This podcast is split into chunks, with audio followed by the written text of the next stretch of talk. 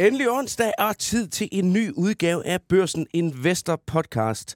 Og endelig noget medvind til de største danske aktier. På bare en måned er en håndfuld af de helt tunge C25 aktier steget med mere end 25 procent, og indekset oppe med 7 procent de seneste uger. Aktierne med medvind er et af de emner, vi skal vende her i podcasten i dag. Og til at hjælpe med det, der har jeg samlet et øh, skarpt øh, panel. Johannes Møller, medstifter og porteføljeforvalter i aktiefonden MV Compounders. Kan I mærke medvinden? Det kan jeg i hvert fald. Det fleste af aktieporteføljen de stiger ret pænt i øjeblikket. Dejligt. Og Peter Bækgaard, tidligere børsmælder i USA, i dag privatinvestor. Og ikke mindst et af de faste medlemmer af podcastens aktieteam, der udvælger aktierne til vores portefølje, som det i indskudt bemærkning i øvrigt går ret godt med. Er du tilfreds med den seneste udvikling i de to aktier, du har købt ind til porteføljen?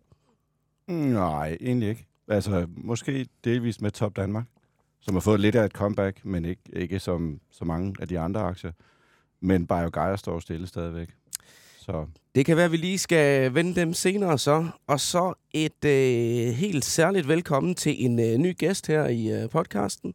Jakob Have, stifter og øh, administrerende direktør i aktiefonden Nordic, Nordic Compound Invest. Og kendt i børsen for at være en del af øh, det børspanel, der vurderer nye aktier på vej på børsmarkedet. Men øh, det har vi jo ikke brugt så lang tid på, sådan her på det seneste. Der er ikke ret mange af dem. Hvad er der gået galt på den front, Jacob?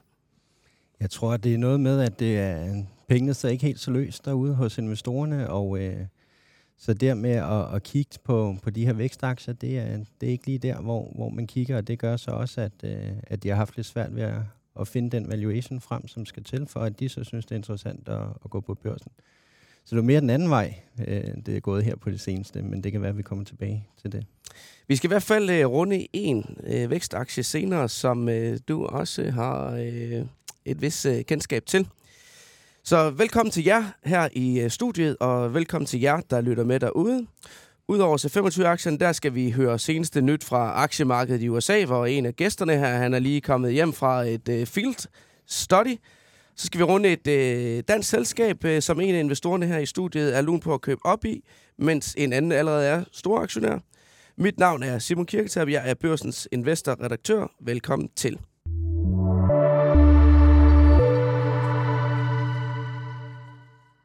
Jakob, lad os starte lidt øh, bagvendt her øh, for at præsentere dig lidt øh, over for øh, lytterne. Øh, vi taler jo tit om, hvad, hvad man kigger på og hvad man har lyst til at købe op i. Men øh, skal vi ikke prøve at snart, kan du ikke prøve at fortælle, hvad er den seneste aktie, du har solgt, og hvorfor? Øh, jamen, jeg er sådan en, der ikke roterer så meget i min portefølje, så man kan sige, den seneste aktie, hvor jeg har reduceret øh, en del i, det er op i Norge. Norsk Midcap, der hedder Norske Skok, og, øh, og det var en aktie, som, øh, som jeg gik ind i for, for lidt over et år siden.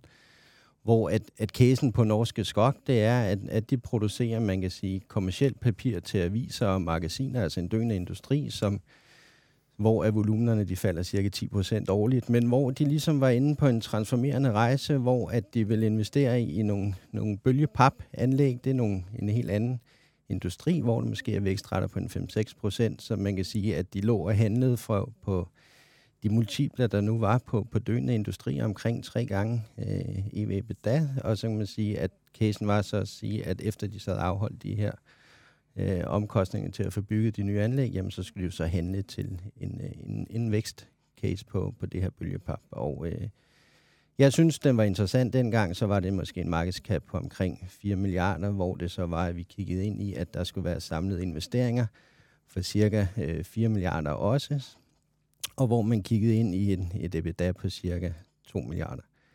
Der er så sket meget i den case, hvor det så er, at øh, man kan sige, de har været lidt uheldige på, at der var et stenskred på en af deres produktionsanlæg, der lige gjorde, at det blev taget ud af drift i et års tid. Øh, det her med, at når man skal til at transformere sig fra, øh, man kan sige at være en, en tung CO2-producent til mere let CO2-producent, det betyder også, at mange af de her CO2-kvoter, som, som de så får, de bliver frigivet om, man kan sige, prisen på CO2-kvoterne er jo steget rigtig meget de sidste mm. øh, par år.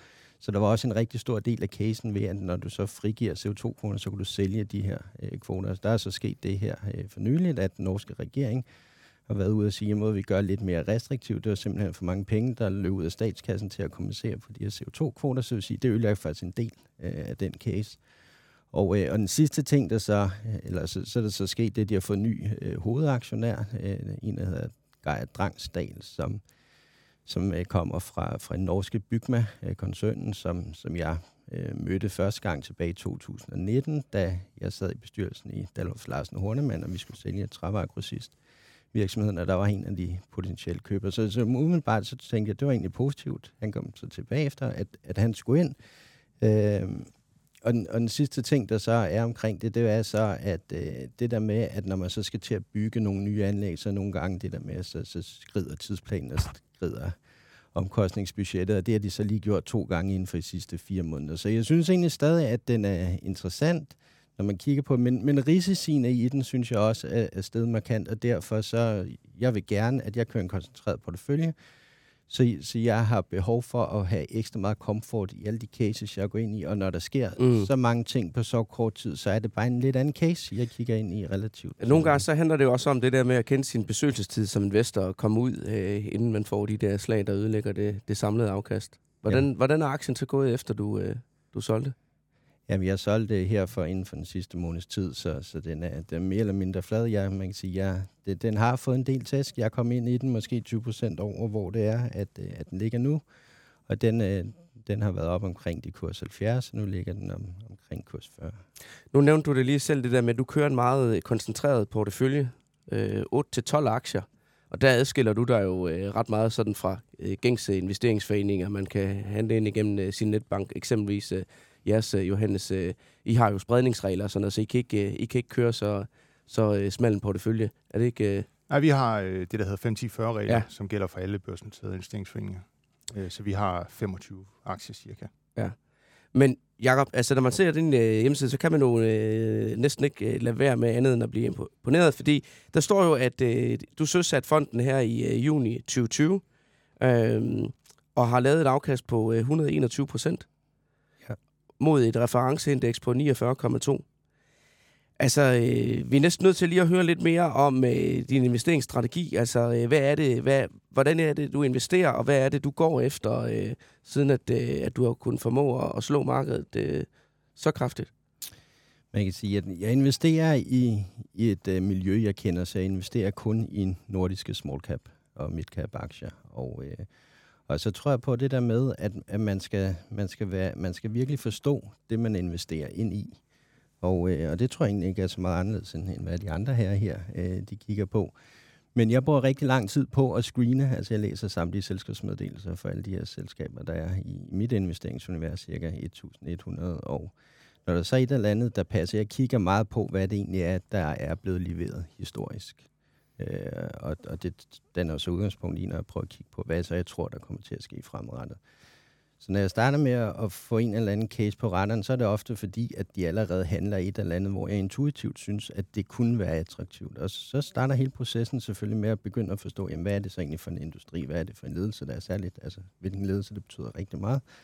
Øh, og hvor jeg så har nogle, nogle samtaler flere omgange med ledelsen, inden jeg så øh, i så fald vælger at investere. Så, så det er en meget tidskrævende proces, og det gør så også, at, at man, skal, man skal være rimelig sikker på, at det er en god investering, før man gør det. Og, øh, og, og der er jo selvfølgelig cases, hvor det er, at, øh, at man så ender med at bruge en masse tid, for så ikke at gå ind i det. Men, øh, men jeg tror, det er vigtigt det der med, at, øh, at man turde have en koncentreret portefølje, altså fordi det er med at det er med at finde nogen i høstakken, og så mm tror jeg personligt, at når du så har fundet den, jamen så er det egentlig også bare at slå til, øh, hvis det er, du synes, at der er kommet fort på det hele.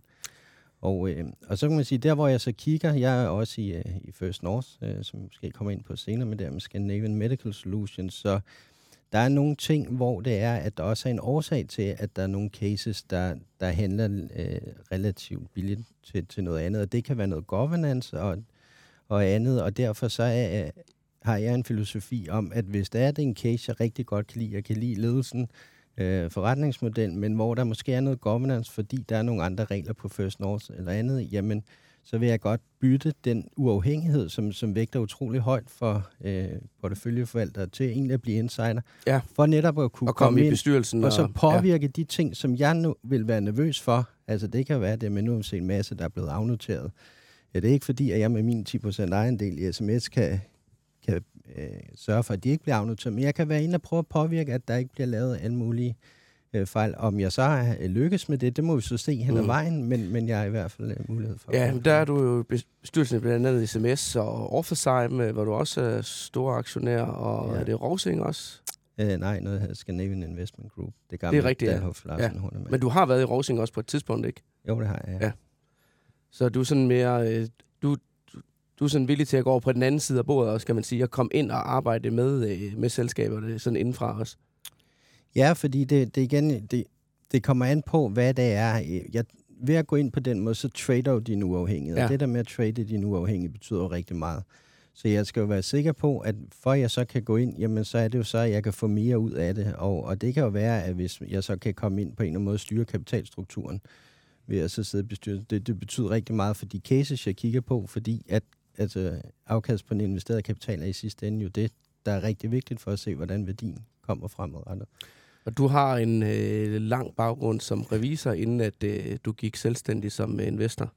Ja, altså jeg, jeg har været revisor ved Deloitte, øh, var meget ved kapitalfondene der, var, var ude i industrien, ude i William Dingman, der var skattechef der, og så har jeg været CFO i et par steder, både i børsnoterede og ikke børsnoterede selskaber, og meget omkring opkøb. Vi lavede rigtig mange opkøb øh, i den periode, og, øh, og det var ligesom det, der ligesom var bunden for, udover, man kan sige, jeg har altid handlet øh, aktier privat også, øh, i de sidste 20 år altid i small cap, og så, så det var ligesom det, der er baggrunden for, at at jeg startede fonden der tilbage i, i juni ja. 2020. Og, øh, Johannes? Ja, jeg vil bare verificere det, Jacob han siger, fordi det, han er rigtig god til sådan at sidde og holde øje med alle de der små aktier, der ikke er nogen, der holder øje med. Øh, dengang vi startede vores firma, der havde, sad vi sådan et kontorfællesskab sammen med Jacob, og det var på det tidspunkt, hvor der var øh, coronakrise, og Mette Frederiksen besluttede en morgen, at hun ville slå alle de der mink ihjel. Og så tror jeg, at ved frokostpausen, så havde Jakob fundet et eller andet fedt selskab, der opererede inden for mink, som jeg aldrig nogensinde har hørt om før. Øh, Så det er klart, at man kan tilføre noget værdi ved at sidde og holde øje med alle de der små selskaber, og så vide, jamen, hvis der sker et eller andet øh, ude i verden, hvordan er det så, jeg tjener penge på det i mit univers? ja, så det var, det var Saga Føre der, som, øh, som Johannes lige refererer til der. Så øh, igen, det, det er noget af den, som øh, en type case, som jeg egentlig godt kan lide, hvor det er, at, at den er voldsomt undervurderet, når du kigger på alle mulige nøgletal. Der er en, der er en markedskab lige nu i selskabet på 30 millioner. De har en egen kapital på, på 90 millioner, har en masse med sin netto likvider stående. Men, men udfordringen der, det er governance, det er, at de driver den her øh, forretning udelukkende for de finske avlere. Mm. Men så er det så der, hvor at der er så nogle, nogle regler i den finske selskabslovgivning på, at hvis det er, at du har mere end 10 procent af selskabets aktier, så kan du kræve minoritetsudbytte som 8 procent af, af egenkapitalen eller 50 procent af årets resultat. Og på den måde, så synes jeg egentlig, at de driver ikke den forretning kommercielt, som, som jeg synes, de skulle, men, men de har trods alt et globalt monopol lige nu, og de tjener rigtig mange penge. Så derfor er det vigtigt for mig at så sige, at ja, så får jeg bare mine, mine penge ud på udbytte øh, på det her. Og, øh, og på et eller andet tidspunkt kan det være, at de lytter lidt til mig. Nu har jeg været deroppe og snakket både med, med bestyrelsen i Saga og i, øh, og i de finske pelsavlere. Og, øh, Jacob, du, du snakkede om øh, afkast på investeret kapital. Har du noget cut-off, eller har du noget kriterie for, hvad det skal være, hvor højt det skal være? Nej, fordi altså, jeg tror, jeg ligesom alle andre godt kan lide det der med, at øh, alt under 15, så er det sådan lidt en blød underskov, ligesom alt andet. Men det er ikke et kriterie i sig selv, fordi at jeg kan også, hvis for eksempel Saga eller nogen andre, hvis der er en case, hvor jeg synes, at den fundamentalt handler billigt, mm. hvor det egentlig er en ren value case, jamen så er det egentlig ikke lige røggen, du kigger på, så er det egentlig den repricing, du egentlig synes, der skal, skal til. Mens at hvis jeg tager på en, en case, hvor jeg er med på den lange rejse og vækst, så en, så en som sms der, jamen så kigger jeg jo meget på at så sige, hvad er det så for en røg, jeg tror, de kommer til at lave? Fordi når du kigger på en vækstcase, så må du ligesom acceptere, at der er en masse ting i starten, hvor det gælder bare om at få væksten op, men hvor jeg skal kunne se for mig, at jamen, kan du egentlig få en rigtig høj røg ved at lave nogle mindre justeringer. Øh, så, så jeg er gerne over 15 procent på både egenkapitalforretning og, og røg. Ja, okay. Du fortalte mig om den der Sagafers uh, case uh, uh, på et tidligere tidspunkt, hvor du så også fortalte om det der med, at du havde været op på generalforsamling og øh, bedt om at så få det der udbytte udbetalt. det var vel ikke noget, du sådan ligefrem blev populær på øh, i selskabet? Nej, altså, der, det er jo klart, der prøver de alle mulige ting inden og se, om det kan, kan lade sig gøre. Og, øh, og ja, men, men ja, det, det er jo nu engang den, den case, der så er i det, ikke? Altså, hvor at, uden at skal gå saga før det hele, så, så lige nu så står de, og, og de har det her globale monopol, og, men de har brug for at få, man kan sige, produktionen op globalt, og for at det, så skal de understøtte avlerne. Avlerne kan ikke låne i bankerne, fordi bankerne er endelig kommet under vand, særligt i Danmark her. Så de har brug for at skaffe en masse kapital, og den bedste måde, de kan skaffe kapital på deroppe, det er, at de, de har et, et domicil, der er cirka 50 millioner euro værd, altså meget mere end Majskamp, hvor at de, de ikke skylder nogen penge i. Så find en eller anden investor, måske give lidt højere øh, afkast på det der, og så kan du lave noget send and lease back. Og det tror jeg, alle synes var en rigtig god idé, lige indtil de så spurgte, hvad gør du så? Altså, fordi regnskabsmæssigt, så er du en gevinst. Så siger jeg, jamen så vil jeg selvfølgelig gerne have, at, at det kommer ud i udbytte. Og så står man der, og de synes jo, det er deres penge og sådan noget. Men, men det der, der må man holde fast, og om den så lykkes i, i dag, eller i morgen, eller næste år. Men jeg synes ligesom, jeg har, jeg har styr på dem, og øh, på et eller andet tidspunkt, så bliver det jo nok rationelt. Det må vi også bare holde fast i som investorer, at altså overskuddet og pengene i selskabet, det er jo aktionærernes, øh, og det kan jo godt nogle gange være lidt svært for nogle ledelser at forstå her i Norden eller i Tyskland eller sådan noget. Det er jo noget af det, der er fedt ved de amerikanske selskaber. Der behøver man ikke fortælle ledelsen, at overskuddet, det er mine penge, mm. og jeg vil have en del af dem, hvis ikke du selv kan bruge dem på en fornuftig måde. Men Jacob, kan du lige hurtigt bare lige nævne et par andre af de selskaber, der så rent faktisk har bidraget til det der øh, afkast, du har hentet i den periode, du har kørt fonden? Jamen, jeg tror egentlig mere, at det der med at kigge på afkast, det er lige så meget også, altså når du har de dårlige år, og så have nogen, hvor at du ikke falder fuldstændig øh, igennem. Så hvis ja. man kigger på, på det afkast, jeg havde 67 procent i, i 2020, og jeg havde øh, okay, 32 procent i 2021. Det var sådan, 2021, det var egentlig meget markedskonform med, hvad det var i mit univers der, og hvor jeg så i 2022 havde, havde plus 3 relativt til de her cirka minus 15 som reference. Så, så det er lige så meget det der med at ikke have nogen mm. cases, mm. der falder fuldstændig ned, fordi så er det egentlig summen af, af de andre, der, øh, der er. Så, men ja, sms har, har været en god case, men, men der er egentlig en række flere, som, øh, så jeg tror, når jeg kigger ned på det følgende, så er det fordi, jeg ikke har haft nogen, hvor jeg har taget et kæmpe haircut på.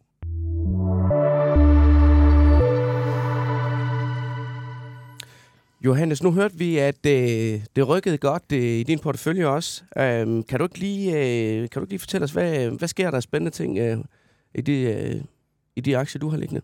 Jo, altså vi har jo lige øh, fejret tre års fødselsdag hos øh, MW Compounders, så det er jo altid sådan lidt milepæl, når man starter en kapitalforvalter. Øh, og vi er faktisk den børsnoterede investeringsforening i Danmark, der har lavet det bedste afkast i den periode, så det er vi jo rigtig glade for og stolte over. Og også ydmyge over for, at, at nu skal vi ligesom holde øh, snuden i sporet, så vi også kan lave godt afkast fremadrettet.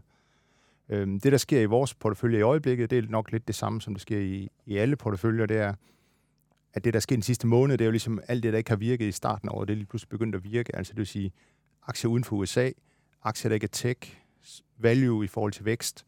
Øh, nogle af de der ting, de er lige pludselig begyndt at, at rykke rigtig meget på sig. Og så sker der jo nogle selskabsspecifikke nyheder. Altså vi havde for eksempel den uge her, øh, der blev der valgt ham der præsidenten nede i Argentina, ham med motorsaven. Og det havde jeg ikke lige tænkt, at det skulle være betydeligt stort for vores portefølje. Men vi har et selskab, der hedder Burford Capital, som øh, ja, investerer i retssager. Det har du talt om tidligere, ja. øh, hvor du har været inde også. Og de har jo, øh, Argentina skylder jo en hel masse penge til dem, 16 milliarder dollars. Øh, og øh, i og med, at der nu kommer en præsident, der er lidt mere progressiv, jamen, så øger det jo sandsynligheden for, at de får nogle penge ud af den sag. Øh, så det påvirkede Burford, der den steg 8% oven på den præsidentvalget. Øh, så det er en ting, der er sket, og så er vi også øh, involveret i hørebrætsindustrien. Vi har... Øh, ja, der investeret du uden for landets grænser. Du ja, vi tog, den der Schweizer, vi tog den der Schweizer, der hedder Sonova, fordi vi synes egentlig, de, de, de drev selskabet lidt bedre, men det har været det har faktisk været en forkert beslutning i den periode, vi har været investeret, fordi de, de danske selskaber har gjort det bedre, både Demand og GN. Øh, så Sonova har underperformet lidt. Øh, men nu kom de med sådan et regnskab, hvor de sådan set sagde, at nu går det bedre, og vi vinder allerede markedsandel nu, og vi kommer til at lancere nogle nye produkter i 2024. Øh, så jeg tror sådan set, at 2024 kan blive et rigtig godt år for Sonova, hvor de øh, tager nogle af de her markedsandele tilbage igen. Og generelt går det godt i hørebrætsindustrien. Altså det, sidste år var der utrolig stor frygt for, at der ville komme øh, recession, at folk så ikke ville købe hørebrætter mere. Og derfor faldt øh, alle aktierne ret kraftigt mm. sidste år, og de har sådan set rettet sig rigtig pænt. Ja, nå, men interessant at høre. Og så er vi nødt til at spørge dig om ting, Peter. Har du fået købt Pandora? Nej, desværre. Fordi øh, sidst du var herinde, der var du jo meget entusiastisk på aktien. Øh, de havde lige holdt den her kapitalmarkedsdag, var kommet med nye øh, finansielle mål ja. frem mod øh, er det 2027? 20, 26, 26. tror jeg det er. Og ja. det peger jo mod, at indtjeningen per aktie kan blive øh, fordoblet. Ja. Nu har vi så fået et, øh, et regnskab øh, mere at kigge på siden. Ja. Hvad, hvad tænker du så om aktien nu? Jamen altså, regnskabet var jo fint i forhold til de forventninger, som markedet havde, fordi de slog forventningerne. Og øh, de sagde oven i købet, at øh, de har haft en god start på fjerde kvartal, så det tyder på, at der er god momentum i deres smykkesalg på, på toplinjen. Ikke? Som vi også snakkede om før, øh, før i dag. så hvis man kigger på tallene, så har de jo rent faktisk øh, set et drop i indtjeningen year to date på 5%, og aktien er op 85%. Så der er sket en meget, Ja. meget voldsom re-rating af aktien. Det gør ikke, at den nødvendigvis er dyr, fordi jeg tror, den handler på noget, der ligner 18, 17-18 gange indtjening i år. Øhm, men altså, det er klart, da jeg, da jeg begyndte at kigge på den, som var relativt sent i året, var den allerede steget meget. Og jeg har sådan lidt med det der med at jagte aktier, som der stiger, har jeg det, har jeg det mentalt svært ved. Plus jeg er stadigvæk skeptisk over for forretningen, fordi vi har set så mange gange, at de har fantastisk momentum i salget, og så lige pludselig dropper det off, og så tager aktien nogle kæmpe Ja, nedture. der har de en skidt historik. Det har den gjort, det den gjort tre gange over de sidste 10 år, tror jeg. Ikke? Altså droppet 70-80 procent. Men altså, det er klart nok, de er super gode til at kommunikere. Det virker som om, at de kommunikerer konservativt. De har ligesom fået skabt tillid blandt investorerne.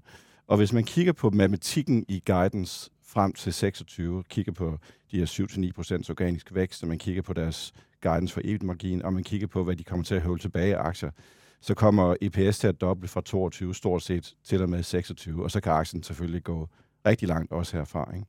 Men, så jeg følger den sådan set mere nu, og, og bliver ved med at følge den. Men det er retail, det er detailhandel, og øh, hvis de får bare et kvartal, hvor væksten måske er minus 2% eller minus 3% i stedet for plus 7 eller plus 9, så vil markedet også begynde at stille spørgsmålstegn ved, ved Pandora igen. Men den screener perfekt på, på mange af de ting, vi kigger efter, fordi det er retail. De har ikke særlig meget. Det er ikke en kapitalintensiv business, så de har tårnhøj afkast på investeret kapital.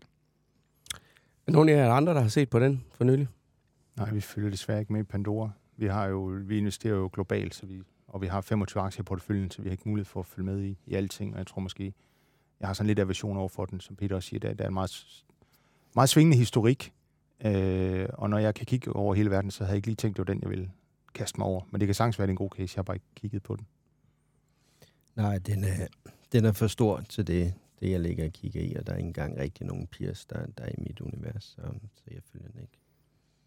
Den har i hvert fald været god i år. Det må man sige, det må man sige. Altså, det har været den bedste C25-aktie i år, så...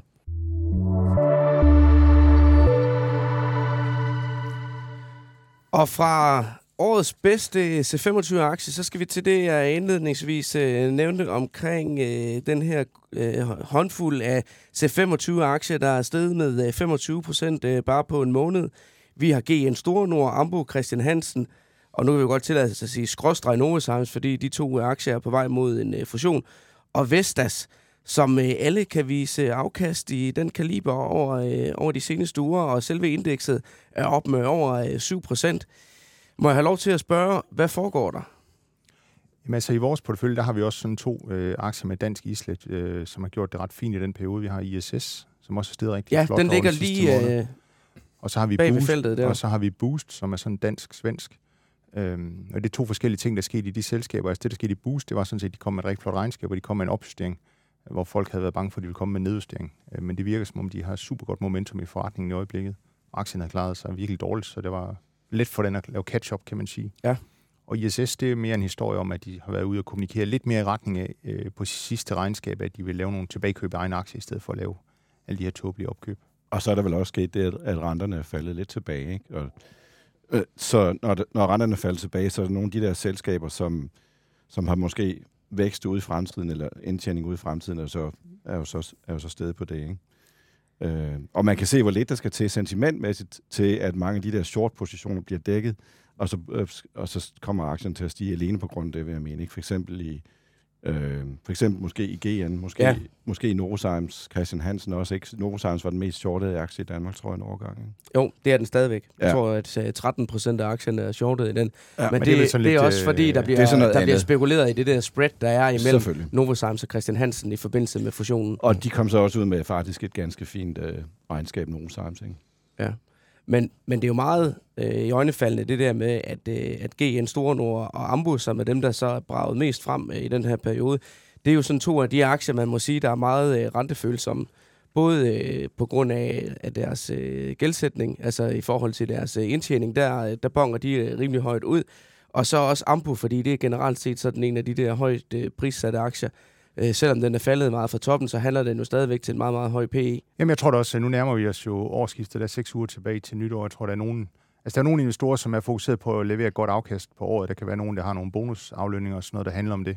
Øhm, så det er ikke sådan, vi investerer, men jeg tror, der er mange, de sidder ligesom og siger, hvis nu vi har et godt år, skal vi så ikke bare lige få lukket profitten ned? Øh, og det betyder jo for eksempel, at, at, at det kan være, at man sælger nogle af de her store syv aktier i USA, som er steget rigtig meget, og man måske lukker nogle af de der short-positioner, som har virket rigtig godt. Jeg tror også, det er derfor, der kommer sådan den her reaktion i nogle af de der aktier, der har været nogle dogs i år.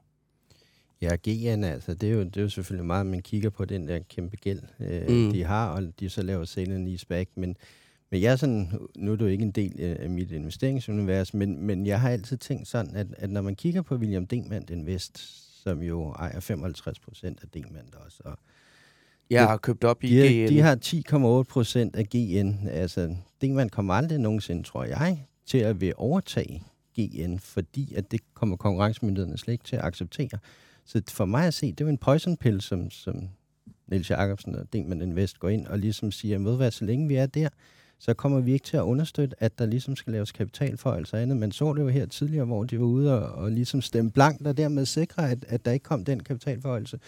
Så, så for, for Demand Invest at have en, have en 2 milliarder position i det, det svarer måske til halvanden års udviklingsomkostninger i Demand-koncernen. Altså, jeg tror ikke på, altså, jeg tror, at de har det svært GN med at få løst den der fremadrettet, fordi at der, der sidder altså en ikke-venlig øh, aktionær, som jeg ser det, som, som ligesom kan gå ind og blokere rigtig meget. Ja, de var jo ude og foretage det her 8 milliarder kroner dyre opkøb af SteelSeries i slutningen af 2021, måske med den nærmest værst tænkelige timing. Ja. Øh, gældsfinansieret. Renterne var nærmest ikke eksisterende på det tidspunkt. De er så steget kraftigt efterfølgende, og indtjeningen er kommet under pres. Og hvilket jo så betød, at de i starten af året forsøgte at gå ud og lave en stor øh, rekapitalisering af selskabet ved lige at sælge aktier for, var det 7 milliarder kroner i et hug, hvilket aktionærerne jo så gik imod, og de har måttet finde alternativer og har solgt nogle aktier fra, de havde på bøgerne, og, og, øh, og er nu ved at forsøge på at strukturere selskabet anderledes. Men, øh, og i hele den der industri, det betyder jo rigtig meget, fordi man kan sige, den teknologiske platform, de udvikler deres høreapparater på, på grund af den store konkurrence, der er, jamen så er levetiden 3-4 år, hvor det 10 år tilbage måske var nærmere øh, 5-6 år. Så, så du har brug for hele tiden at kunne poste en masse penge i de her udviklingsomkostninger. Og øh, ja, så, så der skal ikke for meget ned i stilseries og andet, som, som jo har, det er jo et svært miljø lige nu øh, for den type. Jamen, det er jo i hvert fald et, øh, kan man vel godt kalde det, et lille advarselsflag ved, øh, ved GN øh, Store Nord-aktien. Og et af de spørgsmål, jeg også har med på bloggen her, det er jo selvfølgelig, øh, når noget stiger, er det så noget, der kunne være interessant at kigge på. Og GN kan vi da så måske for dit vedkommende strege der, og så, så kan jeg jo så lige som indskudt bemærkning sige, den har vi jo i vores portefølje, så det kan da være, at vi, vi skal tage en snak med Lars Hytting, der har valgt aktien, om hvordan han ser på det næste gang, han, han kommer ind. Øhm, men øh, hvad siger I andre til den der gruppe aktier der? Er der noget af det, I synes, der ser interessant ud? Altså i det, I har i porteføljen? Nej, de der, der ligesom løber stærkt lige nu. Altså jeg har det lidt ligesom Peter, jeg er heller ikke sådan den bedste type til at løbe efter ting, der, der, der stiger. Altså, jeg har det bedre med ligesom at være lidt kontrær, og jeg kan godt lide at, at ligge og rode rundt i den der kasse af aktier, der ikke har virket så godt. Så det er ikke noget af det, jeg leder efter i øjeblikket. Altså noget af det, vi synes, der er interessant i øjeblikket, det er nogle af de der stabile forbrugsselskaber. Øh, blandt andet som... Øh, de, er sådan lidt, de har haft et virkelig svært år, fordi det vil sige, at turisterne har ligesom forladt aktiemarkedet. Øh, alle de der investorer, som i virkeligheden er obligationsinvestorer, øh, de har været rykket ind i aktiemarkedet over de sidste 5-10 år, fordi man ikke kunne få en ordentlig rente på ja. obligationer. Og nu kan man lige pludselig få 5% i USA og 4% her i Danmark på, på købe flexlån for eksempel. Så de er rykket ud af aktiemarkedet igen. Og det har altså ramt den, de der meget, meget stabile aktier. Og det tror jeg er en af grundene til, at vi faktisk synes, at nu kan vi lige pludselig se en god investeringscase i nogle af de der øh, klassiske, stabile forbrugsselskaber. Så vi har købt øh, et bryggeri i år, vi har købt ABI, som er verdens største bryggeri. Øh, noget af det, jeg sidder og kigger på, det kan jeg godt sige, for det, det, det kan andre også godt bare kigge på, hvis de har lyst, men det er sådan en som Estee Lauder for eksempel, øh, som jo sælger kosmetik, og som har haft det virkelig, virkelig forfærdeligt, fordi at de blev ramt meget hårdt ud i Kina, men, men jeg synes faktisk, det er et rigtig godt selskab. Jeg sidder også og kigger på nogle af de der selskaber, der er inden for sådan noget, det der hedder Consumer Health. Øhm, der er blandt andet øh, nogle, der hedder Reckitt Keys, og Halion er der noget, der hedder i England, og Johnson Johnson har lige spundet deres forretning ud, der hedder Kenview i USA. Øh, så det er nogle af de ting, øh, jeg sidder og kigger på i øjeblikket. Ja, altså jeg, jeg sidder ikke og kigger så meget på, på lige præcis på de der selskaber og, i Danmark, fordi de falder mange af dem på min, på min screen, ikke, som mm. er 15 procents ryg efter skat. Øh, ejer Novozymes, en lille position Novozymes, den har haft igennem lang tid. Og der er ingen tvivl om, at både Novozymes og Christian Hansen, hvis man ser på dem i dag som selvstændige selskaber, så det er dyre, dyre aktier, ikke, der handler til høje multipler. Og øh, der skal gang i væksten der, og der skal nogle synergier ud, før at øh, det giver mening at købe dem begge to, vil jeg mene, på de her niveauer. Det er gode selskaber, men altså, der er begrænset upside i begge to herfra, er min opfattelse.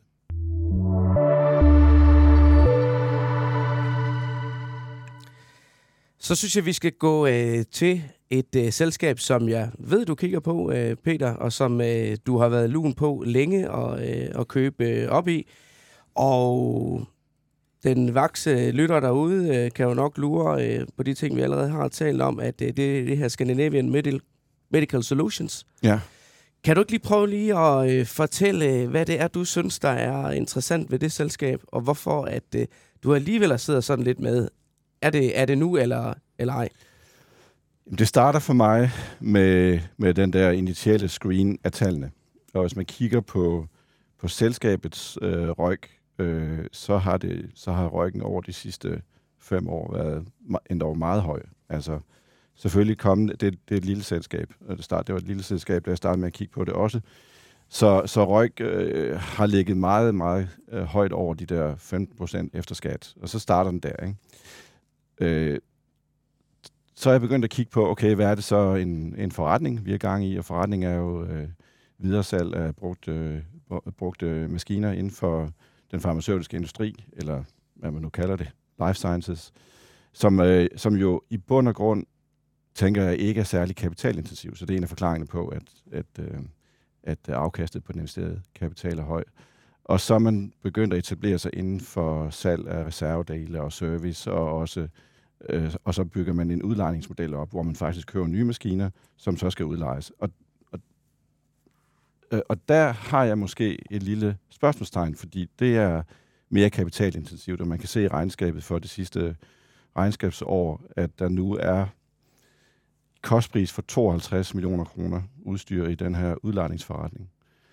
Øh, og og det kræver jo, at man begynder at udleje maskinerne for at få et afkast på det. Der skal faktisk ret meget til for at få et af, ordentligt afkast på øh, den kapital, der er bundet i de her maskiner. Så der er et lille flag, og man kan også se, at afkastet på den investerede kapital i forretningen i de her fem år er faldet ret kraftigt øh, til, jeg tror, 16-17 procent efter skat øh, her i det sidste regnskabsår, fordi at, øh, fordi at der er højere kapitalbinding øh, som følger af de her udlejningsmaskiner. Ikke? Så det, det er stadig en aktie, jeg følger. Jeg kender ikke øh, ledelsen i selskabet, øh, men jeg synes, det, det er en interessant forretningsmodel. Jeg har også et spørgsmålstegn ved konkurrence osv. Det er en ret konkurrencepræget industri.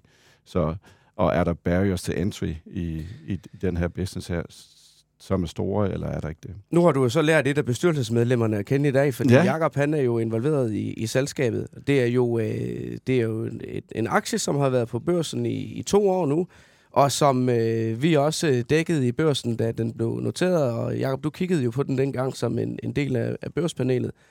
Og øh, der er jo en del selskaber, der har, der har fået en hård medfart af dem, vi, vi har kigget på der i, i tidens løb. Men det her var jo så nok et af, et af dem, du har været sådan allermest øh, positiv på, dengang vi, vi kiggede på det. Jeg kan huske, du øh, udtalte sådan, at du blev ved med at spørge dig selv om, hvad var det, du havde overset i, øh, i casen. Og også øh, øh, konstateret, at det var et af dem, du vil kigge på i forhold til, om, om du vil tage det ind i din egen portefølje. Og sidste år, der købte du så øh, op i det øh, til en øh, på over 10 procent og en af de største institutionelle investorer i, i selskabet nu. Ja. Og hvis man sådan ser på, på øh, selskabets øh, tur på børsen, så, øh, så har det jo øh, leveret et, et, et ganske flot øh, afkast. Jeg tror, det er aktien er op med 66 procent fra øh, noteringskurs, selvom at øh, at aktien er faldet øh, 20 procent øh, siden øh, det seneste kvartalsregnskab her kom i, øh, i fredags. Og det er jo sådan generelt set, øh, når man ser øh, regnskabstallene, der er, der er meget, meget vækst i øh, forretningen. Omsætningen er gået fra knap 42 millioner kroner i 2019-20 til seneste regnskab her 191 millioner kroner. Ja.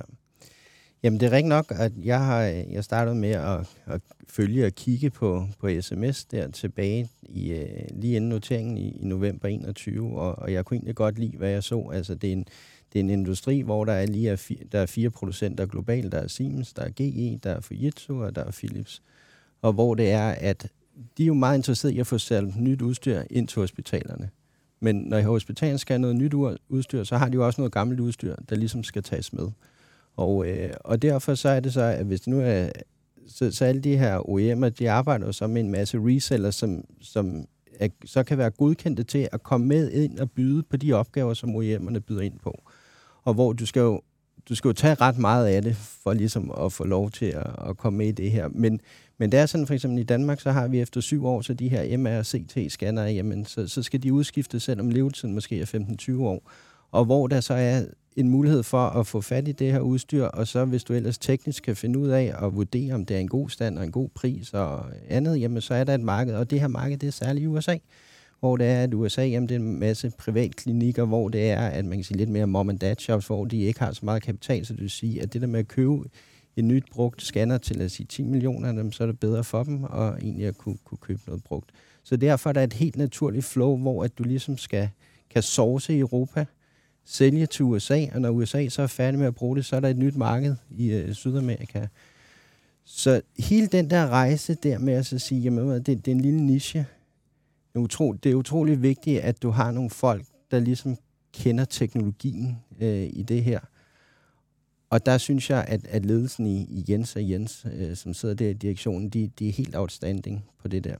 Det jeg så ikke kunne lide så meget der til at starte med, det var altså at sige, jamen hvorfor så var det egentlig, de gik på børsen? øh, i sin tid, fordi ja. de tjente rigtig mange penge, og så rejste det så 30 millioner, men når man så kiggede i halvårsrapporten, der, det er jo så øh, for skudt regnskabsår 21-22, så er de 50 millioner stående i likvider og ikke nogen bankgæld. Og det var så der, jeg begyndte at gå ind og så snakke med Jens, øh, stifteren og CEO Jens Kron der, og så sige, jamen hvad sådan er det egentlig for en rejse, vi skal på? Og for mig var det rigtig vigtigt, og så hvis jeg skulle ombord på denne her, jamen så ville jeg gerne ind og være helt hands-on. Jeg, jeg vil ikke øh, nødvendigvis bare være en, en passiv investor, fordi jeg var usikker på, hvordan de ville forrente den her kapital, der var i det her.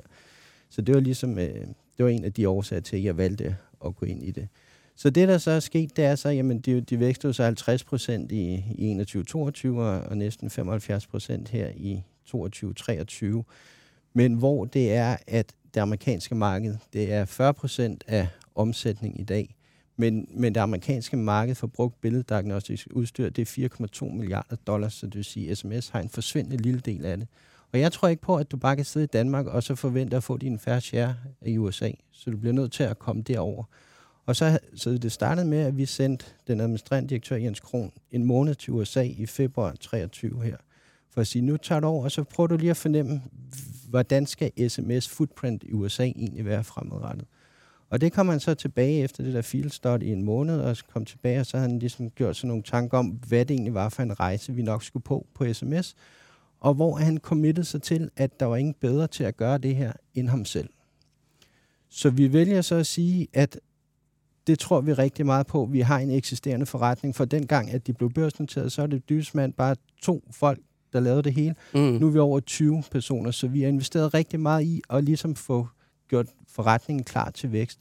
Og særligt efter Jens han kommer tilbage der fra USA, jamen, så begynder vi også, vi har, vi har lige udvidet direktionen, også vi har lavet en masse ekstra ansættelser. Så tanken er nu, at som der blev meldt ud her i starten af november, det er, at Jens Kron han relocater til USA. Og hvor at vi har den eksisterende forretning, der ligesom vi tror på, der kan drives videre med en normal vækst, men hvor at Jens han får fuldstændig frie tøjler til at bygge det amerikanske marked op. Og det vi så også siger, det er, at i den guidance, vi så er kommet, vi guider så her for næste år, så tror vi guider omsætning øh, 210 til 230 og en EBITDA på, på 20 til 23, men hvor vi så også skriver omkring de forudsætninger, der ligger i guidance, og hvor vi så skriver, at det amerikanske marked, fordi vi tror på, det amerikanske marked, det kommer til at være større end den eksisterende sms-forretning. Men at Jens han skal have mulighed for at gøre det rigtige til at starte med. Så derfor så siger vi også, at vi forventer ikke, at det amerikanske, altså det yderligere, altså de 40 procent, vi har i dag, det er en del af den eksisterende forretning, men, men vi vurderer ikke, at, at den amerikanske datterselskab kommer til at bidrage positivt på EBITDA i år. Og det kan man sige, hvorfor søren det er. Så det er klart, at hvis man nu tager til USA bare for at, at starte med et varelager og komme ud og sælge en masse ting, så er det jo, så er det jo et, øh, ja, så så noget, noget husleje, og der er måske noget løn, men så du hurtigt kunne lave et positivt EBITDA. Men så hvis du skal hen og kigge på noget strategisk omkring, hvad der skal ske i USA, jamen, hvis det nu var, at det var en virksomhed, der skulle over og købes eller flere, så er det jo, at det er jo først på det tidspunkt, hvor du har købt den der virksomhed, at du så kan begynde at revurdere din guidance på, øh, hvad der er det. Så for os så er det USA, det, det er der, hvor vi virkelig vil, vil fokusere og tror på, at, øh, at væksten den, den kommer til at være. Så kan man sige, så hvis vi kigger på røg, så, så tilbage til den der, vi får 50 millioner ind på IPO'en i november 21, og hvor at vi så har, brug, vi har investeret 50 millioner i udlejningsaktiver. Principielt, og det sådan burde man jo gøre, så burde du bare tage en til en og så sige, jamen de her udlejningsaktiver, dem får vi sådan set finansieret på, nu laver vi noget selv back. Bankerne vil sagtens være med. Men det vil du egentlig først begynde at gøre på det tidspunkt, hvor du har brugt al din overskudsgivende kapital. Som mm. kan sige, vi har sådan set, ud af de 50 millioner, vi har investeret i rental, der har vi kun belånt 20 millioner af dem, så der er sådan set en, en buffer, eller hvordan du kigger på det på, mm. på de 30. Og derudover, så kan man sige, så har vi bundet rigtig meget i arbejdskapital. Og jeg tror, det er tilbage til det ja, der det med, jeg godt se. du skal starte med at få brugt din overskudsgivende likviditet. Og når vi kigger i USA, så tror jeg, det er rigtig vigtigt at så sige, at hvis vi har brug for noget kapital, så kan vi med nogle små geværgreb frigøre noget likviditet, enten på rental eller på lager. Fordi det værste, der kan ske, synes jeg, jeg synes, at sms er en helt fantastisk forretning. Så hvis det nu var, at man skulle over og købe noget op, så vil jeg jo virkelig stride imod at gøre det med, at der sker kapitaludvidelse, så, så vi skal selv kunne gøre det. Og, øh, og derfor så hellere måske gøre det lidt øh, lavere tempo, for at vi ligesom kan være med, fordi det er jo de eksisterende aktionærer, der skal med på den rejse. Hvad, hvad, hvad er det, man... Altså, hvad, hvad kan man købe? Er det kunder, man køber, eller hvad er det for noget, man køber, hvis man køber noget i, i sådan en forretning?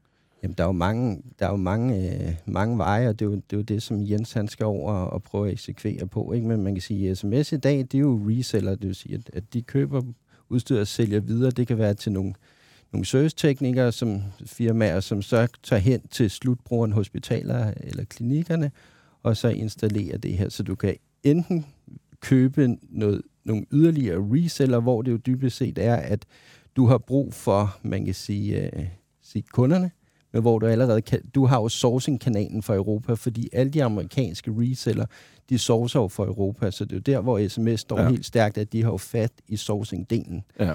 Eller også så skal du ud på service-tekniker-delen for at så sige, at jamen, så får du faktisk kontakt og viden om slutbrugerne, for at så kigge på det er marked, der er i Sydamerika. Der har du brug for ligesom at, at, at have en fornemmelse for, hvad der sker ude ved slutbrugerne, for at kunne få fat i det udstyr igen, og så sælge det, det, sælge det videre ned til, til Sydamerika. Og sådan er det jo i hele verden. Altså, det er jo mange af de samme lande, som, som der også er i høreapparat-industrien. Altså, det er Japan, det er Australien og, og lande i Afrika. Så, så, så der er alle de her muligheder for at kigge på det. Hvad tænker du, Peter, efter at have hørt øh, Jakob øh, sådan åbne det, det, øh, lidt det, op for selskabet? Det er spændende. Spændende forretning, helt sikkert. Og jeg er fuldstændig enig. Altså, det er en, det er en det er en god forretning, kan man se. Kan man jo se på tallene også, det er endda en lang historik. altså, Tallene er små til at starte på, men, men det startede ud med, som du selv siger, at der bliver genereret masser af cashflow, ikke? Øh, og hvorfor skulle man så ud og rejse øh, kapital mm. nødvendigvis, ikke? Så det er helt klart noget, at jeg vil arbejde videre på og, og kigge på, og forstå, få en bedre forståelse for, hvad der sker i markedet. Jeg kan huske, øh, da vi kiggede på selskabet i sin tid, da det gik på børsen, Jacob, der havde, der var to ting, du sådan fremhævede som, øh, som, som opspunkter. Det ene, det var det med, at, øh, at det var en forretning, der var centreret omkring få nøglepersoner. Altså, dengang var de seks ansatte. Det du så fortælle om nu, er man på 20, så, øh, så er det i hvert fald delt øh, noget mere ud. Og så undrede det der jo dengang det der med, jamen, hvad skulle selskabet egentlig på børsen? Fordi de, de, de, øh, de var jo... Øh, de, de tjente jo penge, øh, modsat mange af de andre vækstselskaber, der gik på dengang. Øh, giver det mere mening for dig i dag? Jeg tror, det der med, at, øh, at det er jo nordjyder, skal ja. du starte med. Og, og, øh, Og, og, og der er nok et eller andet rigtigt, uden at jeg sådan lige har fået det verificeret af, af Jens Kron. Men jeg tror, at det der med, at han har jo siddet ved, ved en af konkurrenterne, Agito, som jo ejede af Philips i mange år her som indkøbsdirektør. Og så på grund af det netværk, han havde, jamen, så starter han selv op i 2018. Og tre år efter, han er startet op fuldstændig fra scratch, så kommer der så en som John Norden forbi og siger til mod, at din forretning er 100 millioner. Ham, der strukturerer øh, børsnoteringer af mindre selskaber. Og så er der nok et eller andet af, at så sige, okay, jamen jeg kan da godt se, at jeg har godt fat i det og sådan noget, men okay, det kan også godt være, at det vender af en eller anden årsag, og derfor så, så er der måske nogle gange behov for lige på en eller anden måde at, at tage et eller andet ind privat for, for at være sikret på det her. Så fordi man kan sige, at du har brug for et varelager for at kunne vækste så meget, som de har gjort. Fordi når du først er op og kører med mere normaliserede vækstrater, så er helt den perfekte, smukke tanke ved det her, det er jo, at du ved 6-9 måneder inden, at hospitalerne skal udskifte det her, at hvis det nu er, at du får den, så har, kan du altså dybest set bare afmontere, og så sælge den direkte videre til en kunde. Du skal først betale på det tidspunkt, hvor du har. Så du har jo sådan et helt naturligt flow. Så man kunne godt give lidt køb på, på, på væksten. Men, men altså, Jens han har jo så vurderet at sige, okay, jeg skulle have et eller andet til at komme, komme videre ind omkring det med et, et større varelager, måske noget rental, og så er der det der element af, at han lige havde brug for et eller andet på den personlige front til lige at, at gardere sig. Jensen ejer 35 procent af, af selskabet i dag, og den anden i, i direktionen, Jens Paulsen, han ejer 5 procent. Så man kan sige, at, at jeg med, med de 10 procent og de to i direktionen der, det er altså 50 procent af, af selskabet. Men det er jo stadigvæk et, et lille selskab. Altså market cap er vel 250 millioner? Ja, 225, eller? tror jeg ja. det var. Ja. Øh, så det er, jo, det er jo for småt for dig, Johannes. Øh, men nu har du været med på en lytter her, øh, og kender ikke selskabet sådan øh, andet end det, du har hørt her. Hvad er dine umiddelbare tanker om... Jamen, jeg tænker, at det er et godt selskab. Altså, man kan sige, at alene det, det slipper nogenlunde helskinnet igennem jeres øh, benhårde investorpanel der til IPO'er, som nærmest har lukket det danske børsmarked. Det, det, er, jo, det er jo kvalitetsstempel. Øh, jeg, jeg vil sige, øh, de ting, to ting, jeg vil grave ned i, hvis jeg skulle kigge mere på det, det er det lidt det samme, som Peter siger. Det der med det skift, der er i forretningsmodellen. Og så er det nok også sige, at jeg synes ikke, det giver så meget mening mere at fokusere på EBITDA, fordi i og med, at man nu begynder at lave udlejning, så får man jo både afskrivninger og, og også på et tidspunkt renteudgifter. Mm. Øh, så jeg synes det der med, altså når, hvis man ændrer forretningsmodellen, så skal man også ændre på de finansielle nøgletal, som ja. man fokuserer på. Men og det er småtingsafdelingen, det er overhovedet ikke, fordi det er noget rødt flag eller noget, men... Og, og EBITDA, det er jo, når man øh, snakker øh, driftsindtjening før... Øh, før omkostninger. ja, før, før renter og øh, afskrivninger. Ja, præcis. Ja. Og det har jo givet god mening historisk for den forretningsmodel, som, som selskabet her har kørt, men i og med, at man nu ændrer forretningsmodellen, så, så giver det nøgletal ikke så relevant længere. Så øh, et indspark til, I skal overveje guide på noget andet end EBITDA måske? Ja, men det er jo det er rigtig nok, som Johannes siger, det er noget, vi overvejer. Vi er ikke rigtig kommet så meget i gang med den der forretning nu. Det er også det, vi siger guidance, at, øh, at der ikke er. Så, så klart på et eller andet tidspunkt, hvor det bliver meningsfyldt stort, jamen, så man skal overveje, om det er så en EBIT, der skal, skal kigges på. Og, og det var jo så en af de ting, som jeg, som jeg også noterede mig, ikke? det var, at der var 80 millioner ekstra i salg i sidste regnskabsår, og der var kun to af dem, der endte på EBIT, og mindre end en, der endte på den rigtige bundlinje efter skat. Ikke?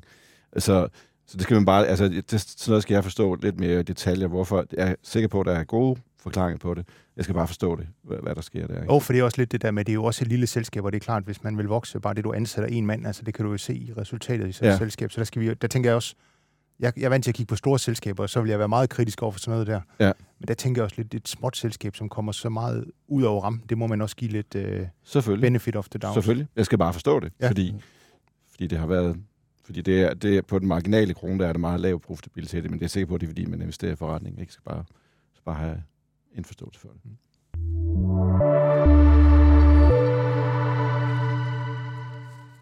Fra et selskab, der sætter, sit, øh, sætter retning mod, US, mod det amerikanske marked, så, øh, så bliver vi i USA. Fordi, øh, Johannes, du, er, øh, du har lige været derovre og besøge en messe med 300 øh, industriaktier.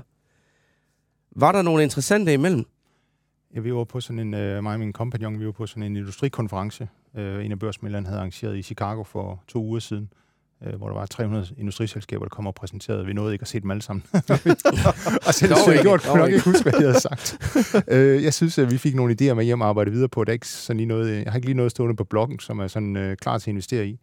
Jeg synes, det var sådan lidt blandet billede, selskaberne de giver. Øh, det er jo meget afhængigt af, hvad for nogle øh, markeder de opererer på. Altså dem, der ligesom har eksponering over for ejendomsmarkedet på den ene eller anden måde, de har det jo hårdt i øjeblikket. Ja. Der var nogle selskaber, blandt andet, der solgte pools.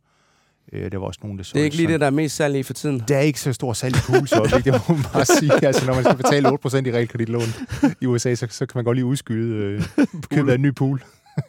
og, øh, men, men der er andre ting, der går rigtig godt, så, så det, det var et meget blandet billede, vil jeg sige.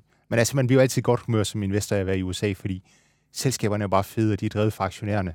Man behøver ikke at sidde og have sådan en dialog, som, øh, som Jacob han har haft deroppe i Finland, om hvem der egentlig ejer selskaber, og hvem der egentlig har Mm. ret til det cashflow, der kommer, kommer ind i kassen. Er det noget, du kan nikke genkende til for din tid i USA, Peter? Ja da, helt sikkert. Helt sikkert. Det er fuldstændig korrekt. Men altså, jeg vil så også sige, at der er også mange af de danske selskaber, eller de nordiske selskaber i øvrigt, som, som jeg jo kigger på, driver så også trods alt øh, virksomheden for aktionærerne. Ikke? Jo, men Jeg er det er ret på- i, der er mange gode selskaber, både i Danmark og Sverige. Ja. Men noget af det, der ligesom spørger derude, det er jo sådan øh, tilbageslag i økonomien, og hvad kommer det til at betyde øh, for indtjeningen i selskaberne? Altså de selskaber, I har mødt der, nu siger du godt nok det med salget af pools, det er ikke lige det, der øh, går allerbedst, men, men er optimismen til stede, eller, eller knager det lidt i hjørnerne? Jamen, jeg synes, at det knager lidt i hjørnerne øh, for specielt de selskaber, som opererer. Altså, industri er jo også noget af det, der har det lidt svært i øjeblikket. Ja. De her PMI-tal har jo været, været negative, Nemlig. Og vi har set det her skift, efter vi åbnede op efter corona, hvor vi, økonomien er gået fra en vareøkonomi til en serviceøkonomi igen. Øh, så det er klart nogle elementer der, hvor, hvor der er nogle røde flag og nogle aktier, der også har klaret sig dårligt i år. Men det er ikke sådan, at den tur, den har givet dig anledning til, at øh, I laver noget om i porteføljen? Nej, det har det ikke gjort. Altså, vi, jeg synes, vi har sådan set en ret balanceret portefølje i øjeblikket, og det er jeg meget glad for, fordi jeg synes egentlig, begge scenarier er realistiske. Både det der med, at der kommer en afmatning, fordi renterne er steget, men samtidig også det scenarie, der hedder, at der er en soft landing, og inflationen kommer ned, og måske kan vi endda se centralbankerne begynde at sænke renterne igen næste år. Så, så jeg, jeg har ikke sådan lyst til at smide porteføljen i den ene eller den anden retning i øjeblikket. Vi prøver ligesom at, at forblive midt på vejen. Altså, vi har sådan set gjort en del for at købe nogle ting ind til porteføljen de sidste par år, som var lidt konservative, eller hvad kan man sige, ikke så cykliske, og det, det, er vi, det er vi meget glade for. Men vi har også nogle cykliske ting i porteføljen, som, som godt kunne bruge lidt medvind. Øh, så altså, vi har nogle forbrugsselskaber, vi har Puma for eksempel, og Boost, og, øh, som har klaret det ret svagt, og vi har en, et kinesisk øh, IT-selskab, som også skylder en hel masse, så, så hvis markedet vender, og den globale økonomi bare buller afsted, så er det ikke sådan, fordi jeg tror, vi bliver efterladt på, på perronen. Var der nogle af de øh, selskaber til stede øh, på konferencen, der I, øh, I er investeret i? Øh, nej, det var det faktisk ikke. Og heller ikke nogen på vej ind. Så det, så det har ikke været, der er ikke, der er ikke sådan øh, det helt store, øh, det helt store aktiefif med hjem derovre. Nej, desværre ikke. Altså, man kan godt nærmest synes, det er måske lidt spild af tid at tage det over og kæmpe to uger med jetlag, men øh, Men det er jo ofte det, Er det der- to uger, eller hvad? ja, fordi man skal jo kæmpe en uge, øh, når man kommer over, så en uge, når man kommer hjem. Nå, okay. Men konferencen var nogle dage, ikke? Konferencen var tre dage, ja. Ja, okay. Hvad Jamen, siger det, du? det, der var meget sjovt, det var, at vi tog, lejede sig selv en bil og kørte rundt øh, inden konferencen startede og besøgte en masse af alle de her butikskoncepter, som ja. vi jo bare læser om på nettet ellers. Så det var, det var meget givende, vil jeg sige. Dollar stores og auto suppliers og alt sådan noget. Men det er jo det der med, at man skal jo lidt ud, og man skal inspireres et eller andet Ja. sted fra, og det behøver ikke være noget, der lige kommer nu, og det kan også være, at det ikke lige er dem, men så kender du lidt noget, får du en adgang til noget piger og andet, så, så bare komme ud over rampen og finde ud af, hvad der rører sig derude. Ja.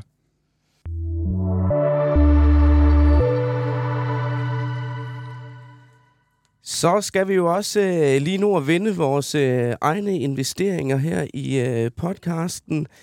Og jeg kan gøre status ved, at vi har et afkast på dags dato 14,3 procent i øh, All-Star-porteføljen år til dato på de 12 udvalgte aktier, vi, vi pt. har investeret i. Startkapitalen den var 600.000 ved nytår, og nu ligger vi med 686.000. Og taget i betragtning, at øh, C25-indekset kun lige nøjagtigt har snedet sig i plus efter den her optur den seneste måned, så kan vi vel godt øh, starte med at øh, konstatere, at, øh, at det er godkendt, øh, Peter. Ja, det må man jo sige.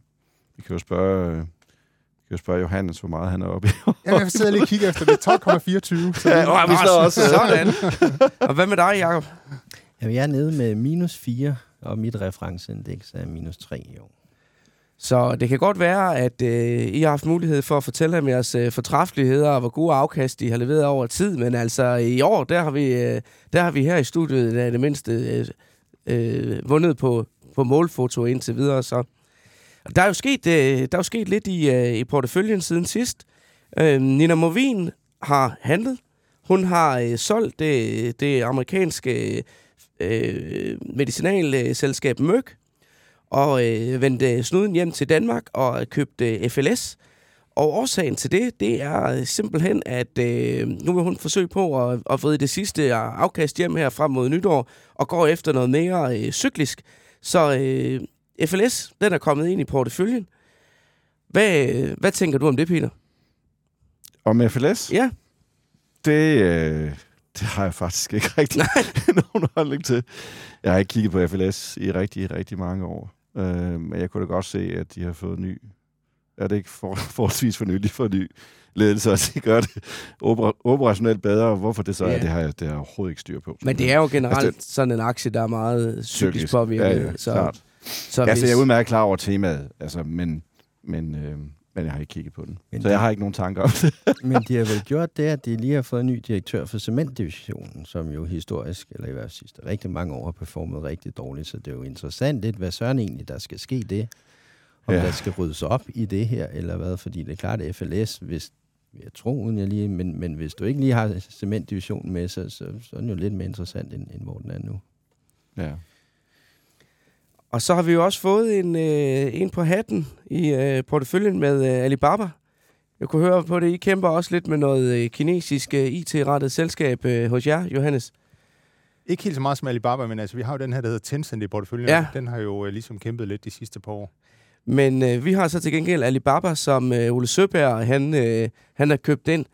Han skulle faktisk have været med i studiet i dag, men har fået en dobbeltbookning i sin kælder. Jeg ved ikke, om det var fordi, at, øh, at han ikke havde lyst til at komme ind og snakke om det øh, 10% kurs til Alibaba-aktien. Den led efter, efter seneste øh, regnskab.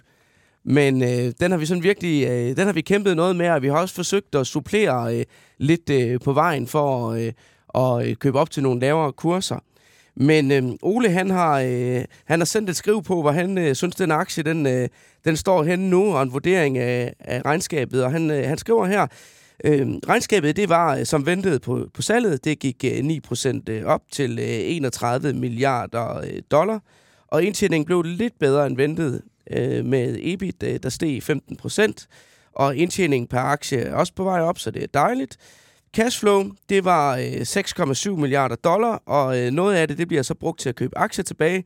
Og de seneste 12 måneder, der er, øh, der er øh, andelen af aktier faldet med 800 millioner styk til nu 25 milliarder aktier. Så det er jo sådan noget, der kan holde en, hånden under en øh, aktiekurs, hvilket så ikke rigtig er sket her for os, fordi vi ligger nede med et samlet tab på 18,4 procent øh, på aktien indtil videre. Noget Ole han så også øh, hæfter sig ved, det er, at øh, de har 63 milliarder dollar i, i kassen. Han har opdateret øh, sit model, øh, skriver han, og indeværende finansår, der burde øh, salgsvæksten lande på 5%, og øh, cashflow positiv på 19 milliarder dollar, og øh, hvilket så vil betyde en netto kasseposition øh, øh, samlet på 70 milliarder dollar, når vi, øh, vi øh, går ud af det regnskabsår her, der slutter. Jeg tror, det er, øh, det er øh, med udgangen af marts måned øh, næste år. Øh, og han konstaterer så, det som er pudsigt er, at øh, da vi købte aktien, lå den øh, 95 dollar. På det tidspunkt havde selskabet meddelt, at de ville dele butikken op og dermed udkrystallisere værdier og tydeligere vise cashflow i T-Mall, der står for hele cashflowet. På 95 øh, dollar var værdien 235 milliarder dollar, og i dag er den 200 milliarder dollar værd. Stort set det samme som dagen før, de meddelte, at de vil lave de her spin-offs. Jeg er helt med på, at Alibaba er del af et stort politisk spil, men det ændrer jo ikke ved, at der er en ret solid forretning med kæmpe cashflow og en kæmpe net cashbeholdning. Hvis der fra politisk side bliver konfiskeret aktiver hos Alibaba, så kan Kina vinke farvel til udenlandske investorer i mange år, og det vil ikke vække begejstring i Kinas befolkning, som vil komme til at føle manglen. Den slags er mega svært at vurdere, og jeg holder mig til almindelig vurdering. Og det er så, at selskabet det vokser 5% øh, per år. Godt lønsomt og net cash øh, har han ikke noget imod at betale det, der svarer til 10% nu øh, og her, øh, for det der afkast, der er udsigt til. Øh, EV er øh, 130 milliarder dollar. 10 gange cashflow på 19 milliarder dollar giver 190 milliarder dollar. Så det giver en upside på 46 procent i aktien, har han regnet sig frem til. Så det må vi se, om det øh, kommer til at, at vise sig på et tidspunkt. Han øh, fremhæver nogle forskellige triggers, øh, politiske meldinger om øget fokus på privatforbrug i Kina, eller øh, den slags vil kunne øh, bringe det fremad, eller frasalg i Alibaba-enheder. Det øh, kunne også være noget. Så øh, det må vi se, om, øh, om det lykkes at få, øh, for os at få øh, hævet noget afkast hjem på den aktie på et tidspunkt. Hvad tænker I andre om et selskab som Alibaba? Jamen, jeg tror da, nu ved jeg ikke, om I skal vel lavet afkast. Det er nytår, så I har seks uger tilbage. Ja, men det kan godt være, at vi holder positionen i næste, ja. næste år også. Det, det vil jeg gøre. Altså den måde, som jeg tænker, man tjener penge på som investor, det er jo nogle gange at holde ved de der aktier, man i virkeligheden er ved at kaste op over og har lyst til bare at smide ud og komme videre, fordi lige pludselig er der noget, der vender. Øh, og vi har jo Tencent, øh, som er meget den samme historie, og den tror vi er nærmest det dobbelte værd. Øh, så der er masser af potentiale i aktier, og selskaberne gør alle de rigtige ting, så det de bare har brug for, det er jo, at at kineserne de begynder at ligesom... Altså, der er flere investorer, der har lyst til at komme til Kina, og der synes jeg jo, at vi begynder at se de første tendenser på, at det går i den rigtige retning. Altså, Xi Jinping, han har jo lige været i USA, og man kan diskutere, om de kunne være enige om mere eller mindre, men altså, det er da positivt, at de nu snakker sammen, Kina og USA. Og jeg tror sådan set, at kineserne de er godt ved at forstå, at, at de kan ikke være helt isoleret. Altså, de er mega afhængige af at have samhandel med, med resten af verden. Øh, og den politik, de har ført de sidste øh, 3-4 år, ikke er langtidsholdbar. Det tror jeg, det synes jeg, man kan sådan begynde at se de første konturer af. Øh, så derfor tror jeg, at sådan set Kina kan være et rigtig fint investeringstema øh, som aktie over de næste to-tre år. Man skal nok måske ikke lige købe en ejendomsaktie, det ved Det har jeg ikke nogen holdning til. Men, det. men altså, de der teknologiaktier, det, det vi kan se i Tencent i hvert fald, det er jo, selskabet har jo fokuseret på at tjene flere penge. Deres marginer har aldrig været højere, end de er i øjeblikket. De har droppet alle de der øh, sindssyge vækstplaner, og så ligger de og køber aktier tilbage. Og det er jo altid det, man skal huske som investor. Det der med kapitalallokering. Altså, og det er jo det samme, du fortalte med Alibaba, de mm. køber aktier tilbage. Øh, det er sjældent, at man løber ind i sådan en value trap, altså en aktie, som ikke performer i 10 år, hvis selskaberne de køber aktier tilbage. Enig. Ja, vi, øh, vi håber, vi håber. Og så dagens øh, gode nyhed til dig, Peter, det er, at øh, den svenske krone, den har nu rettet sig så meget, at øh, vi er kommet et plus på øh, Biogaia, For i som, år. er, som er en svensk aktie. Og fra, øh, fra købskursen, jeg skal ikke lige kunne sige om... Den er om, op, den er op 30 procent i år Ja. i lokal valuta. Ja, men jeg kigger så på, at, øh, Det er så fordi, man at er siden, vi købte, den, siden vi købte den sidste år, der er den så øh, op med 8,3 procent, men fordi at øh, den svenske krone er faldet så meget, Ja. perioden, så er vi faktisk ligget med et samlet tab på den. Ja. Men øh, en øh, hurtig kort øh, kommentar, inden øh, vi skal lukke ned her på, øh, på Biogaia og Top Danmark, øh, som er de to øh, aktier, du har i porteføljen. Jamen altså operationelt. øh, Top Danmark kom jo ud med, en, øh, med en lille opjustering efter deres tredje kvartals øh, regnskab. Øh, som er jo, altså det er jo en konservativ investering, hvor, hvor der var et spil på, at renterne skulle stige. Nu er de så faldet lidt tilbage, og måske der kunne komme et bud fra Sampo på, de, på den resterende del af selskabet. Ikke? Ingen, øh, indtil det har udspillet sig, kan man sige, på kort sigt. Øh, Så kan man sige, øh, med hensyn til fjerde kvartal, ja, der er, der er måske nogle ekstra skader for alt, alt det her regn, der kommer ned, og vand, der kommer ned. Men de får måske også en lille smule medvind på investeringsafkastet. Jeg tror, jeg kan ikke sige, hvad top skal inden for de næste seks uger. Men jeg tror ikke, den kommer til at falde meget. Jeg tror ikke, den kommer til at stige meget herfra. På den anden side, så er jeg ikke god til at squeeze øh, afkast ud på seks ugers horisont. Nej, det Så- tror jeg, det er de, det er de færreste, der er det. Ja. Og så er der øh, Biogaia, som jeg så har fulgt i lang tid. Altså, de har jo opjusteret indtjeningen, hvad er det? Syv, seks ud af syv kvartaler. Så der er noget, at den er ret illikvid. Der er noget, der taler for, måske værdiansættelsen har været for høj. De ligger jo med halvanden milliard svenske i, i kontanter på balancen, mm. ikke? Som de har haft liggende i ret lang tid. Det er faktisk for mig vidner lidt om dårlig kapitalallokering. Altså, de skal gøre et eller andet med det. Det kunne for eksempel være at købe Ja, de skal tilbage. ikke bare ligge og samle støv der. Nej. Nej. Altså, Tænk, tænk at have penge stående i kontant, og så have dem stående i svenske kroner. Det er jo, det er jo dobbelt selvmål. Ja, de er jo så rent faktisk begyndt at få en lille smule rette på afkast på den der kapital, men de skal ikke ligge med en market cap på hvad, 10 milliarder. De skal ikke ligge med halvanden milliarder Nej. svenske kroner i, i cash, så lang tid efter, at de har rejst kapital. Men det ved jeg da, det er et selskab, du har mødtes med tidligere. Øh, Ja, der har du, øh, har vi- du sagt øh, til dem, nu må de se at gøre noget? Ja, snakker med dem om det. De siger jo, de screener rigtig mange selskaber. Der er rigtig meget, der er interessant at købe, men de har ikke rigtig fundet noget, der passede ind. Så det er lidt... Øh, det, det vil jeg sige, ved den forretning, det er det største spørgsmålstegn, jeg har ved den der. Hvad kommer der til at ske med de penge? Yes. Og årsagen til, at øh, vi er så fokuseret på det her med, at vi skal lave afkast over de næste seks uger, det er jo fordi, at øh, den her kapital, som øh, Saxo Bank øh, har stillet til rådighed, de 600.000. Alt det, vi kan vride ud af afkast øh, øh, af det i det her kalenderår, det øh, giver vi væk øh, til et, øh, et eller flere godgørende formål, når vi når til nytår. Og det mangler vi jo øvrigt øh, stadigvæk øh, at beslutte os for, hvad det skal være. Vi har faktisk fået en del input ind. Men hvis der nu sidder nogen derude og tænker, at de har det helt rigtige formål, som øh, det her afkast skal gå til, så er I velkomne til at sende en mail til investor Og hvis man vil se porteføljen i en sammenhæng, så kan man øh, gå ind øh, i podcast-teksten, så lægger vi et link ind der.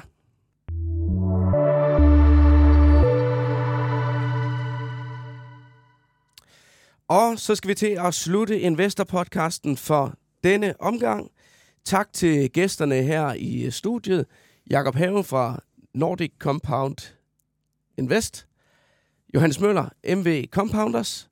Så vi har virkelig samlet øh, hele compounder-branchen her i studiet i dag. Og så øh, Peter Bækgaard, privatinvestor.